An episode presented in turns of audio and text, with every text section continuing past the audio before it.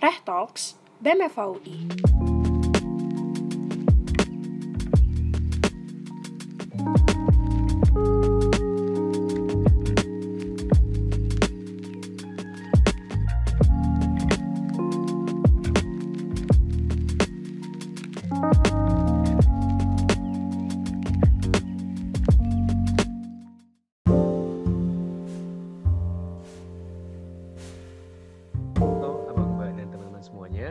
Datang di Rek Talks BMFAUI.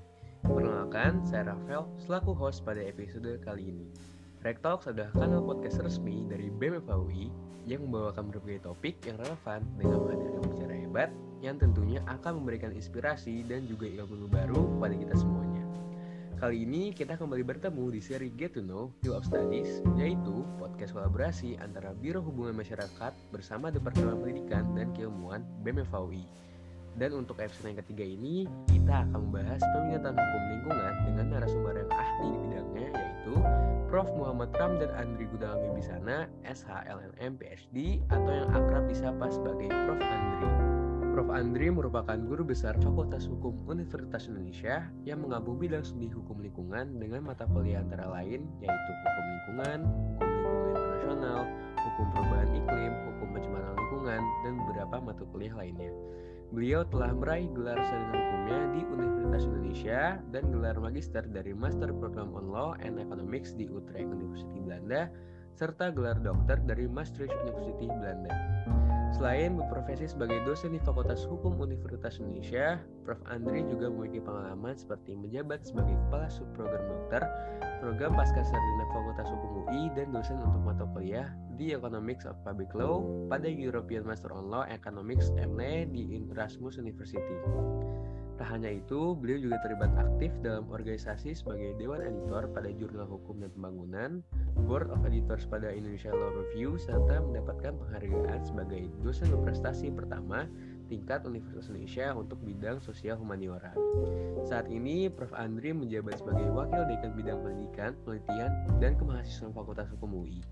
Beliau juga aktif menulis berbagai buku seputar hukum lingkungan, di antaranya berjudul Penegakan Hukum Lingkungan Melalui Pertanggungjawaban Perdata, The Many Phases of Strict Liability in Indonesia Wildfire Litigation, Pertanggungjawaban Perdata untuk Kebakaran Hutan atau Lahan, beberapa pelajaran dari Menteri Kementerian Lingkungan Hidup dan Kehutanan versus PT Bumi Mekar Hijau, dan sebagainya. Pengetahuan dan juga analisis Prof. Andri yang kritis juga dituangkan dalam beberapa artikel yang tulisnya, di antaranya seperti tentang ekor yang tak lagi beracun, kritik konseptual atas sanksi administratif dalam hukum lingkungan di Indonesia, buka siapa main izin, komentar atas putusan tentang izin lingkungan PLTU Celukan Bawang, perizin lingkungan, dan izin lingkungan di berbagai negara, refleksi untuk perizin lingkungan di Indonesia, dan beberapa artikel lainnya. Tanpa berlama-lama lagi, langsung saja kita sapa Prof. Andri. Halo Prof, Halo, gimana Halo. kabarnya nih Prof? baik. Kabarnya? Terima kasih sudah Baik. diundang. Mungkin eh, Prof. Andri boleh nih ceritain dikit nih ke kita kesibukannya apa aja sih sekarang ini? Ya, kesibukannya ajar, kemudian riset yang sedang dikerjakan juga administrasi lah ya karena saya juga tek satu. Oke, nyata Prof. Andri sekarang ini cukup banyak ya kesibukannya mulai dari ngajar, riset, dan juga administratif. Eh, dan ini juga merupakan sebuah kehormatan bagi kami nih Prof, karena Prof dapat meluangkan waktunya untuk mengisi podcast Rek Talks BFOI pada kali ini. Baik, selanjutnya kita akan langsung saja nih Prof masuk ke pertanyaan pertama untuk Prof Andri. Baik, untuk pertanyaan pertama, menurut Prof sendiri nih, adakah urgensi atau alasan mengapa mahasiswa FAUI harus memilih peminat hukum lingkungan?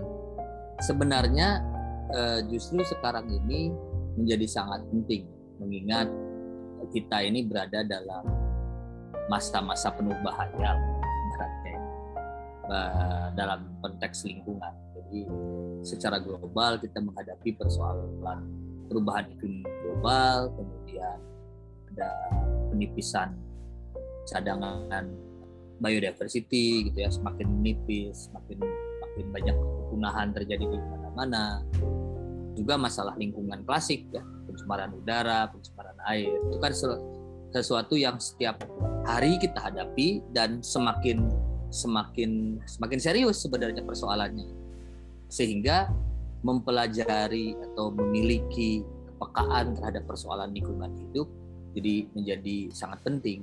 Jadi memang saya kok merasa makin ke sini makin makin penting. Kita belajar hukum lingkungan itu adalah belajar bagaimana mem membantu melihat persoalan yang kita hadapi sekarang. Persoalannya itu ada sekarang.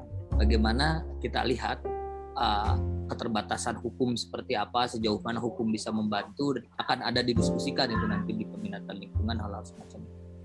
Oke, thank you Prof atas jawabannya. Kita akan masuk ke pertanyaan selanjutnya. Menurut Prof Andri sendiri, secara umum apa sih sebenarnya peminatan hukum lingkungan itu?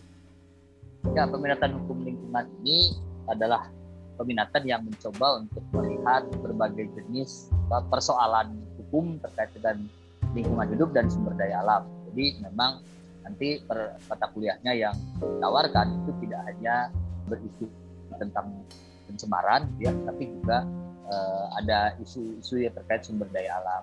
Kita sih membaginya isu lingkungan itu kan ke dalam isu hijau isu coklat dan isu biru ya. Coklat itu hijau itu ya hutan ya. Coklat itu kasus-kasus lingkungan terkait dengan industri misalkan biru yang ada hubungannya dengan laut dan sebagainya. Jadi itu isu yang betul-betul nanti akan dibahas dan di breakdown ke dalam beberapa mata kuliah yang kita tawarkan.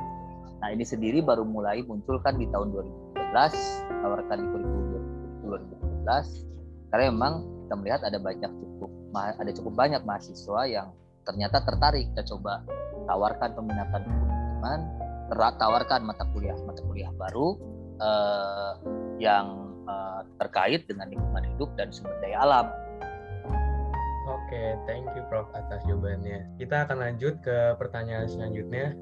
Uh, menurut Prof sendiri, apa tiga kata yang dapat mendeskripsikan peminatan hukum lingkungan? Penting, challenging, dan cool ya. Penting karena memang semakin banyak persoalan lingkungan yang kita hadapi sehari-hari. Itu ya persoalannya semakin serius, semakin berat. Mulai dari orang buang sampah sembarangan sampai pada persoalan global jadi ada bencana-bencana bencana-bencana lingkungan bisa kita bilang ya bencana-bencana lingkungan yang makin sering terjadi. Di samping juga bencana lingkungan yang secara rutin kita alami. Kebakaran lahan, kabut asap, mungkin yang jadi ya makin makin makin makin penting dan untuk dipelajari nih dari sisi aspek hukum. Kemudian challenging karena bukan hanya mahasiswa tapi juga dosennya dituntut untuk terus-menerus mengupdate. Ya mengupdate mulai dari peraturan putusan gitu ya. Putusan-putusannya juga bukan hanya putusan dalam negeri tapi juga putusan-putusan di luar negeri. Sampai pada kebijakan-kebijakan yang mungkin baru terjadi beberapa beberapa minggu belakangan.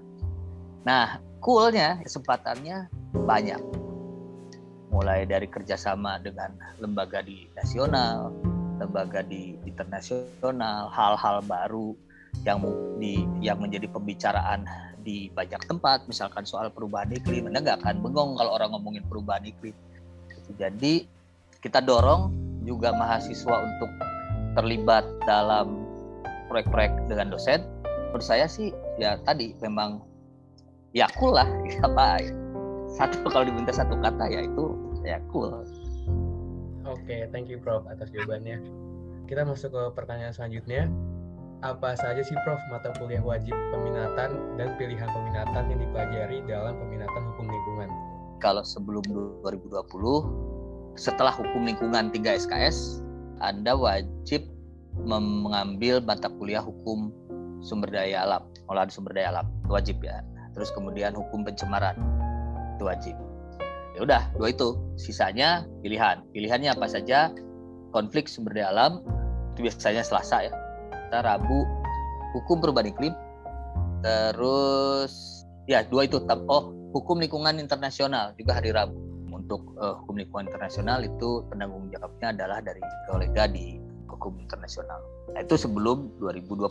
Nah, setelah 2020 nih ada perubahan mendasar dimulai dari hukum lingkungannya hukum lingkungannya untuk angkatan 2020 itu sudah bisa diambil di semester 4. Wajib peminatannya jadi nambah jadinya.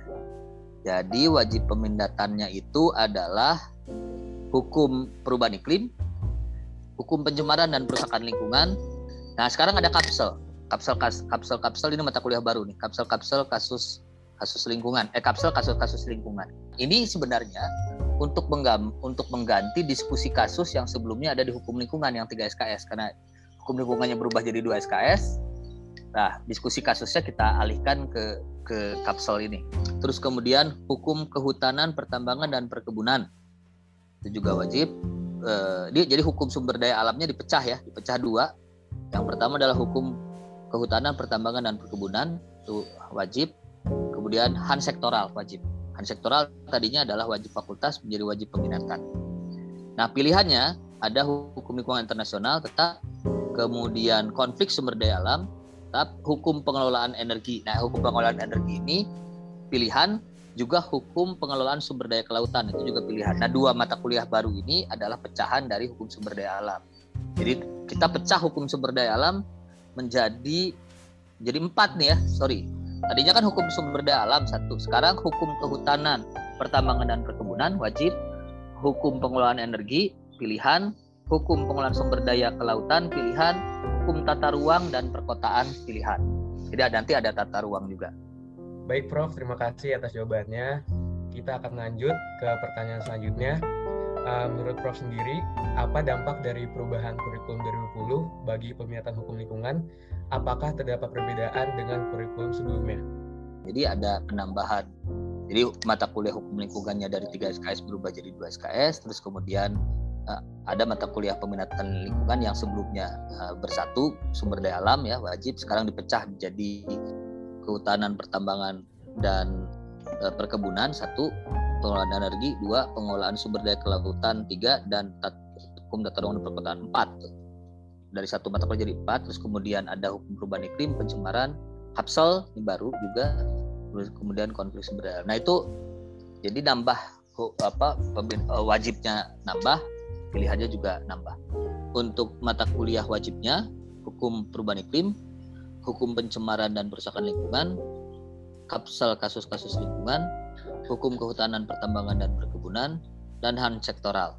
Itu wajibnya. Pilihannya konflik sumber daya alam, hukum lingkungan internasional, hukum pengelolaan energi, hukum pengelolaan SDA kelautan, hukum tata ruang dan uh, perkotaan. Oke, okay, thank you Prof atas jawabannya. Nah, untuk pertanyaan selanjutnya, dapatkah Prof memberikan deskripsi singkat nih mengenai apa saja yang dipelajari dari tiap-tiap mata kuliah peminatan hukum lingkungan?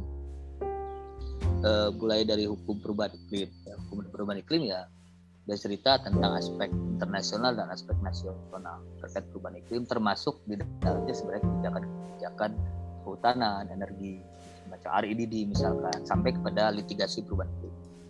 Kemudian pencemaran dan kerusakan lingkungan ini akan berbicara mengenai bagaimana skema pengelolaan uh, pencemaran lingkungan di Indonesia yang kita akan pecah menjadi air, udara, B3, terus kemudian pemulihan lingkungan. Dan kalau saya tidak salah ya atau tidak salah itu terkait dengan ada yang saya pernah mengajar soal kontaminasi tanah misalkan. Ada yang juga kontaminasi tanah ada yang uh, terkait juga dengan penghitungan kerugian. Terus kemudian kapsel tadi saya sudah ceritakan ini akan bercerita mengenai perkembangan putusan-putusan terbaru termasuk juga di dalamnya mulai strategi penegakan hukum. Kehutanan, pertambangan dan perkebunan ya kita akan bagi aspek-aspek hukum kehutanan apa saja bisa cari perizinannya segala macam sampai kebijakannya misalkan sekarang ini termasuk di dalamnya adalah kebijakan untuk misalkan kebijakan keterlanjuran terlanjuran dan pelanggaran penyelesaian pelanggaran yang mungkin akan lebih mirip dengan konteksnya legalisasi legalisasi pelanggaran dalam sektor kehutanan. Bisa jadi itu ya diturunkan oleh dari PP 24 2021 kemudian pertambangan izin segala macam ya. Bentuknya seperti apa kewajiban kewajiban kewajibannya seperti apa. Demikian juga perkebunan kehutanan. Ini kan disatukan karena memang erat ya hubungannya. Karena bisa jadi bagaimana caranya kegiatan perkebunan di lokasi yang misalkan sebelumnya adalah hutan uh, kawasan kawasan hutan. Kemudian han sektoral han sektoral yakni berbagai macam aspek administrasi negara dari berbagai macam bidang. Sebenarnya itu sebenarnya adalah aspek-aspek hukum administrasi negara dari kegiatan sektoral. Misalkan ada hubungannya dengan tanah tata ruang lingkungan industri terus kemudian apa ASN misalkan. Jadi ada banyak isu yang dibahas di situ. Terus kemudian konflik sumber daya alam ini bercerita mengenai bagaimana tipikal konflik-konflik sumber daya alam yang terjadi di Indonesia bisa jadi terkait dengan kepenguasaan jadi legal basisnya di konflik kepemilikan lah ya kira-kira. Adalah juga konflik terkait pemanfaatan artian misalkan ada juga konflik terkait pencemaran konflik yang ditimbulkan karena pencemaran. Jadi ada ada cukup banyak sebenarnya konflik-konflik ini. Kita akan kita akan telusuri satu persatu dan kemudian kita bahas tipik uh, apa tipikalnya dan kemudian bagaimana penyelesaiannya selama ini. Hukum lingkungan internasional ini sebenarnya lebih banyak dipegang oleh uh, bidang apa uh, bidang studi hukum internasional. Saya ikut menjadi pengajar untuk dua dua sesi yaitu untuk perubahan iklim dan untuk uh, penipisan lapisan ozon. Saya, seingat saya hal lain yang dibahas juga di situ adalah terkait perdagangan internasional, perlindungan laut, biodiversity dan apa prinsip-prinsip hukum lingkungan internasional. Kemudian sebentar lagi pengelolaan energi, pengelolaan energi ya mulai dari kebijakan terkait dengan pengadaan sampai distribusinya distribusi energi baik energi konvensional maupun yang baru dan terbarukan nah ini menarik uh, bagaimana insentif-insentif yang diberikan bagaimana kebijakan soal batu bara misalkan bagaimana kebijakan terkait dengan uh, retirement dari batu bara karena kita juga misalkan punya kebijakan untuk tidak menambah seingat saya ya ada target untuk tidak menambah eh, PLTU batubara. Tuh. Kemudian pengelolaan sumber daya kelautan ini juga ada hubungannya dengan misalkan illegal fishing, illegal, unreported, unregulated fishing, IUU fishing. Ya, jadi apa yang selama ini dikerjakan sebenarnya oleh oleh dulu oleh KKP di bawah Bu Menteri Susi dan Satgas 115 gitu ya. Nah, kemudian pengajarnya ini kan ininya apa motornya ini Pak Ota ya yang dulu aktif di Satgas 115 dan sekarang IOG jadi pendiri dari IOG jadi ada banyak juga hal menarik di sini ya terlibat di dalam banyak kebijakan bukan bukan hanya perlindungan terhadap kegiatan illegal fisik tapi juga bagaimana kemudian kebijakan eh, kelautan pada umumnya supaya tidak terjadi apa penipisan cadangan ikan kita secara signifikan. Kemudian yang terakhir adalah tata ruang dan perkotaan. Kita fokus pada kebijakan-kebijakan soal tata ruang, bagaimana fungsi tata ruang RT RW, gitu ya. Terus kemudian RDTR dan sebagainya. Kaitannya nanti misalkan dengan sistem perizinan yang ada berdasarkan Undang-Undang Cipta Kerja, hubungannya bagaimana dengan proyek strategis nasional dan sebagainya. Kemudian uh, dikaitkan juga dengan perkotaan. Ini menarik misalkan dalam konteks bahkan kota baru ya kota negara baru jadi ada banyak hal yang nanti kita akan juga diskusikan di situ termasuk di dalamnya nanti adalah sanksi-sanksi terkait tata ruang. Nah ini karena ada bisa lintas sektor ya. Tata, tata ruang yang terjadi di dalam tata ruang misalkan RT RW tapi juga bisa jadi tata ruang nanti ada hubungannya dengan kehutanan. Nah karena memang bisa jadi uh, itulah yang kalau ada perubahan tata ruang dan kemudian itu mempengaruhi perizinan itu yang selama ini kita sebut sebagai keterlanjuran. Dan itu ada penyelesaiannya masing-masing. Jadi kita lihat cross cutting isusnya juga. Jadi isu-isu apa saja apa saja yang harus diperhatikan kondisinya apa saja karena ini hal-hal yang rumit ya soal kehutanan segala macam perkebunan dan tata ruang itu hal-hal yang rumit karena requirementnya banyak izin yang diperlukan juga banyak kita akan lihat ini itu itu yang akan didiskusikan Oke, baik. Thank you Prof. Andri telah memberikan deskripsi singkatnya mengenai hal dipelajari tiap mata kuliah peminatan hukum lingkungan. Berikutnya, aku ingin nanya nih Prof, berapa jumlah peminat hukum lingkungan per tahunnya? Dan apabila sedikit, menurut Prof. Andri, mengapa peminatan hukum lingkungan itu kurang diminati? Kita cukup banyak loh, maksudnya dibandingkan dengan peminatan lain ya. kita terima misalkan rata-rata sekitar 15 sampai 20 per tahun ya. 20 lah, 20 orang. Taruhlah eh, ya itu kan relatif ya sedikit atau banyak buat kita sini banyak ini 20 untuk orang yang baru gitu ya untuk peminatan yang baru berapa tahun gitu ini cukup banyak 20 21 semester. Ini harusnya sih lebih ya ini saya juga karena saya tidak lihat tidak pegang datanya saya tadi tanya data ke eh, sekretaris di di situ dia dia tidak ke kampus jadi lab tidak ada datanya datanya ada di komputer di kampus jadi bisa jadi lebih sih sebenarnya. Kenapa mahasiswa tidak begitu berminat? Ya ada banyak hal lah tentu saja ya. Mungkin ya tidak terlalu pragmatis karena kita juga tidak terlalu mengajarkan hal yang pragmatis. Malah justru sering kali kita mengajarkan sikap ya empati segala macam kan. Apa uh, menghargai uh, mulai dari menghargai sesama manusia menghargai lingkungan aspek yang gitu gitulah ya. Dan ada keberpihakan segala macam itu mungkin yang juga tidak terlalu tidak terlalu banyak yang yang kemudian apa uh, apa merasa ah, ini gue deh gitu kan. Itu tidak terlalu banyak biasanya juga. Tapi saya sih bersyukur yang ngambil memang beneran berminat. Memang bukan cuma ingin tahu hukum lingkungan seperti apa tapi juga ingin berada menjadi bagian dari perubahan atau advokasi eh, lingkungan. Jadi ingin menjadi bagian dari situ. Itu dulu saya, sih syukuri itu. Ya meskipun tidak harus ya tidak harus selalu lulusan peminatan hukum lingkungan kerja di LSM enggak. Tidak harus ada juga kok kerja yang kerja di firm banyak lumayan. Dan itu bagi saya sih ya tidak masalah kerja di tempat di bagian ke, tempat pekerjaan silakan saja. Tapi yang eh, apa kita tahu lah ya bagaimana menjadi lawyer yang baik gitu ya dengan segala macam. Kita tahu batasan-batasannya segala macam. Itu bukan bukan persoalan ini ya jadi bukan persoalan yang uh, harus dipermasalahkan kerja di mana. Nah, jadi apa? Mungkin juga alasannya kenapa cuma 20, sekitar 20, kadang lebih, kadang kurang ya, setahun. Ya karena kurang kurang kurang promosi.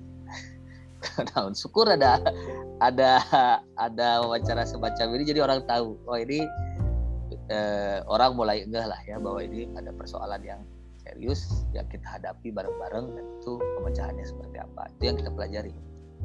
Baik Prof. Mungkin kita akan lanjut ke pertanyaan selanjutnya. Uh, terdapat rumor bahwa mahasiswa yang memilih peminatan hukum lingkungan ini lama lulusnya Prof. Ada tanggapan nggak Prof? Eh sih enggak enggak lulus. Eh maksudnya enggak, enggak lama lulusnya. Normal. Tapi gini ya eh, kita ini kan tidak bisa lulus cepat atau lulus lambat tidak bisa menjadi ya itu tergantung mahasiswanya gitu loh. Mahasiswanya pengen cepat kita bisa cepat artinya kita tidak membuat mahasiswa jadi lulus lambat gitu bukan karena kita. Tapi bisa jadi karena mahasiswanya juga oh ini pak emang belum tuntas atau pak ada ada banyaklah alasan lah. Tapi yang yang pasti kita tidak tidak mengarahkan mahasiswa untuk uh, selalu ngambil yang susah-susah pertama. Juga tidak membuat tidak mempersulit mahasiswa untuk kalau yang ingin cepat lulus ya ayo kita kerjakan bareng-bareng gitu. Nah, saya gini. Kumlot kita banyak loh. Yang semester lalu semester genap dari 26 anak reguler 4 kumlot itu dari e, peminatan lingkungan. 9 kumlot dari anak paralel, 2 dari lingkungan. Cukup banyak loh. Gitu. Jadi eh, Nah, peminat kita atau, atau semester lalu itu jumlahnya 13. Berarti jadi dari 13 di semester lalu peminatan lingkungan enamnya cum laude. Ya kalau kita lambat-lambatin mereka nggak akan cum laude. Gitu. Nah, yang saya dengar malah sebaliknya gitu loh. Ambil hukum lingkungan, jangan ngambil hukum lingkungan. Ini susah nanti gini-gini gitu. Jadi bukan karena dipersulit, karena memang ini yang ngambil lingkungan kayak gini gitu. Kumlot kumlot saya, saya rasa juga itu juga tidak ini ya tidak tepat lah gitu ya. jadi ya memang banyak yang kumlot tapi yang yang nggak kumlot juga ada dan banyak. Ya biasa aja sama aja menurut saya tingkat kesulitannya dengan dengan dengan peminatan yang lain. Baik bro aku akan lanjut ke pertanyaan selanjutnya setelah lulus apa prospek kerja yang berhubungan dengan peminatan hukum lingkungan? Banyak ya, ada beberapa dari lulusan kita di profil lulusan ada yang jadi hakim, ada yang kerja di KLHK, ada yang kerja di kementerian-kementerian ya, keuangan, KLHK, terus ada juga yang jadi dosen, ada juga yang di LSM, cukup banyak yang ada di LSM. Terus eh, porsinya juga cukup banyak yang kerja di law firm. Jadi law firm dengan LSM seimbang lah. Ya banyak juga dua-duanya. Nah jadi eh, menurut saya sih beragam ya, beragam. Bisa ya lulusan UI mah jaminan lah ya kalau kerja di mana aja. Cuma memang tadi di mana pun mahasiswa bekerja sebenarnya saya biasanya akan sering kali setelah lulus terus ngajak nulis bareng. Jadi tidak harus yang dosen aja yang saya ajak nulis bareng, yang ada di LSM juga saya ajak nulis bareng, yang yang kerja di law firm juga saya ajak nulis bareng. Jadi artinya itu tidak mengubah sikap kita lah masing-masing terhadap lulusan-lulusan kita itu jadi nggak ada nggak ada ini ya dan dan lagi-lagi mau kerja di mana pun concern terhadap lingkungannya masih ada. Dan masih masih perhatian. Jadi kalau diajak nulis masih semangat. Uh, itu yang saya harapkan. Kerja di mana pun apa concern terhadap lingkungannya masih masih tetap tinggi. Itu berarti berhasil kan kita mencetak lulusan-lulusan yang peka terhadap isu lingkungan. Peka dan dan mumpuni ya bukan cuma asal pro lingkungan tetapi juga tahu hukumnya seperti apa apa keterbatasannya bagaimana bagaimana argumennya segala macam. Oke okay, thank you prof. Nah mungkin uh, aku akan masuk nih prof ke pertanyaan terakhir nih. Dari Prof. Andri sendiri nih, ada nggak pesan untuk mahasiswa yang berniat untuk mengambil peminatan hukum lingkungan? Ya, pertama jangan takut untuk ambil hukum lingkungan nggak usah percaya gosip-gosip bahwa lu lulusannya susah terus kemudian uh, ini hanya diisi oleh orang-orang yang umlaut dan sebagainya. Enggak. Jadi jangan percaya dengan itu isu itu. Kedua adalah tadi bahwa belajar hukum lingkungan adalah mempelajari uh, sesuatu yang berguna sebenarnya segera. Mungkin saat ini juga kita akan uh, akan tahu oh kayak gini ya jadi hal-hal yang segera bisa kita rasakan sebenarnya manfaatnya. Kemudian eh, tadi mempelajari hukum lingkungan juga mempelajari bagaimana kita menghadapi persoalan global ya secara bersama-sama. Karena kalau eh, planetnya rusak ya cuma ada lawyer ya kan gak ada manfaatnya jadi lawyer jadi jadi betul-betul memang eh, uh, kita belajar ya bareng-bareng lah. Di sini uh, uh, juga kita juga belajar hukum lingkungan. Dengan tim dari hukum lingkungan ini kita belajar bersama. Belajar bersama maju maju bersama dengan segala informasi yang uh, kita usahakan akan update terus. Ya jadi perkembangan perkembangan terbaru mengenai hukum lingkungan pelanggaran sumber daya alam itu akan segera disampaikan kepada mahasiswa baik itu dari sisi kebijakan maupun dari sisi putusan-putusan dan kita bisa bahas bersama-sama. Ya nanti akan riset bareng, nulis bareng, kemudian ya belajar bareng. Gitu. Fun lah belajar hukum. Oke, thank you Prof atas pesan-pesannya. Nah, Pesan yang telah diberikan Prof. Andir tadi sekaligus menjadi penutup podcast Rectalks Get to Know Field Studies kali ini. Kalau boleh saya rangkum, obrolan kita bersama Prof. Andri tadi bahwa peminatan hukum lingkungan ini baru saja muncul tahun 2013 lalu akibat banyaknya mahasiswa yang tertarik pada peminatan ini. Meski baru, peminatan ini cukup banyak diminati para mahasiswa yang benar-benar peduli terhadap advokasi lingkungan. Peminatan hukum lingkungan sendiri tidak mengarah ke pembelajaran yang pragmatis, melainkan mengajarkan mahasiswa untuk berempati pada lingkungan dengan membahas mengenai sumber daya alam, perubahan iklim, serta isu-isu lingkungan yang meliputi kehutanan, industri, kelautan, dan lain-lain. Seiring berjalannya waktu, semakin banyak perubahan lingkungan di sekitar kita, dari mulai masyarakat buang sampah sembarangan, limbah pabrik yang melimpah, kebijakan kehutanan dan pertambangan yang kerap berubah, hingga perubahan iklim secara global yang menjadi persoalan penting untuk kita pelajari guna mengetahui sejauh mana hukum bisa membantu dan terobosan apa saja yang dapat kita lakukan. Peminatan hukum lingkungan untuk kurikulum 2020 dan kurikulum sebelum 2020 memiliki beberapa perbedaan. Untuk kurikulum sebelum 2020, mata kuliah yang wajib diambil adalah hukum pengelolaan sumber daya alam serta hukum pencemaran dan perusahaan lingkungan.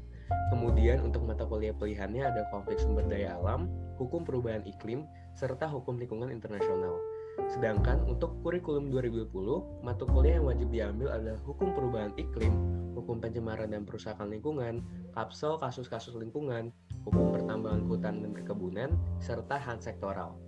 Kemudian untuk mata kuliah pilihan ya ada konflik sumber daya alam, hukum lingkungan internasional, dan hukum terkait sumber daya alam yang terbagi menjadi hukum pertambangan kehutanan dan perkebunan, hukum pengelolaan energi, hukum pengelolaan sumber daya kelautan, serta hukum tata ruang dan perkotaan.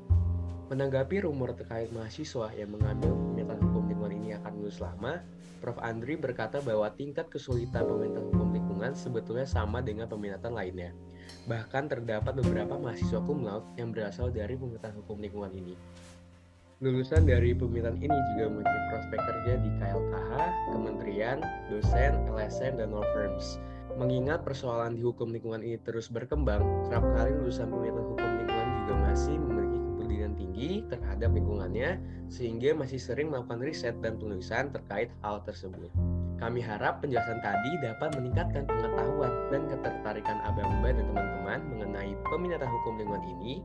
Dengan demikian, saya ingin mengucapkan terima kasih kepada Prof. Andri yang telah meluangkan waktunya untuk mengobrol bersama kami di rangkaian terakhir podcast Rek Talks Get to Know Field Studies episode 3 Hukum Lingkungan kali ini. Juga tidak lupa saya ucapkan terima kasih kepada Abang Mbak dan teman-teman semua yang telah setia mendengarkan Rek Talks. Akhir kata, saya ingin mohon maaf apabila terdapat kesalahan kata, baik yang disengaja maupun yang tidak disengaja. Sampai jumpa Abang Mbak dan teman-teman semuanya. BEM FAUI 2021, selaras kembangkan cita.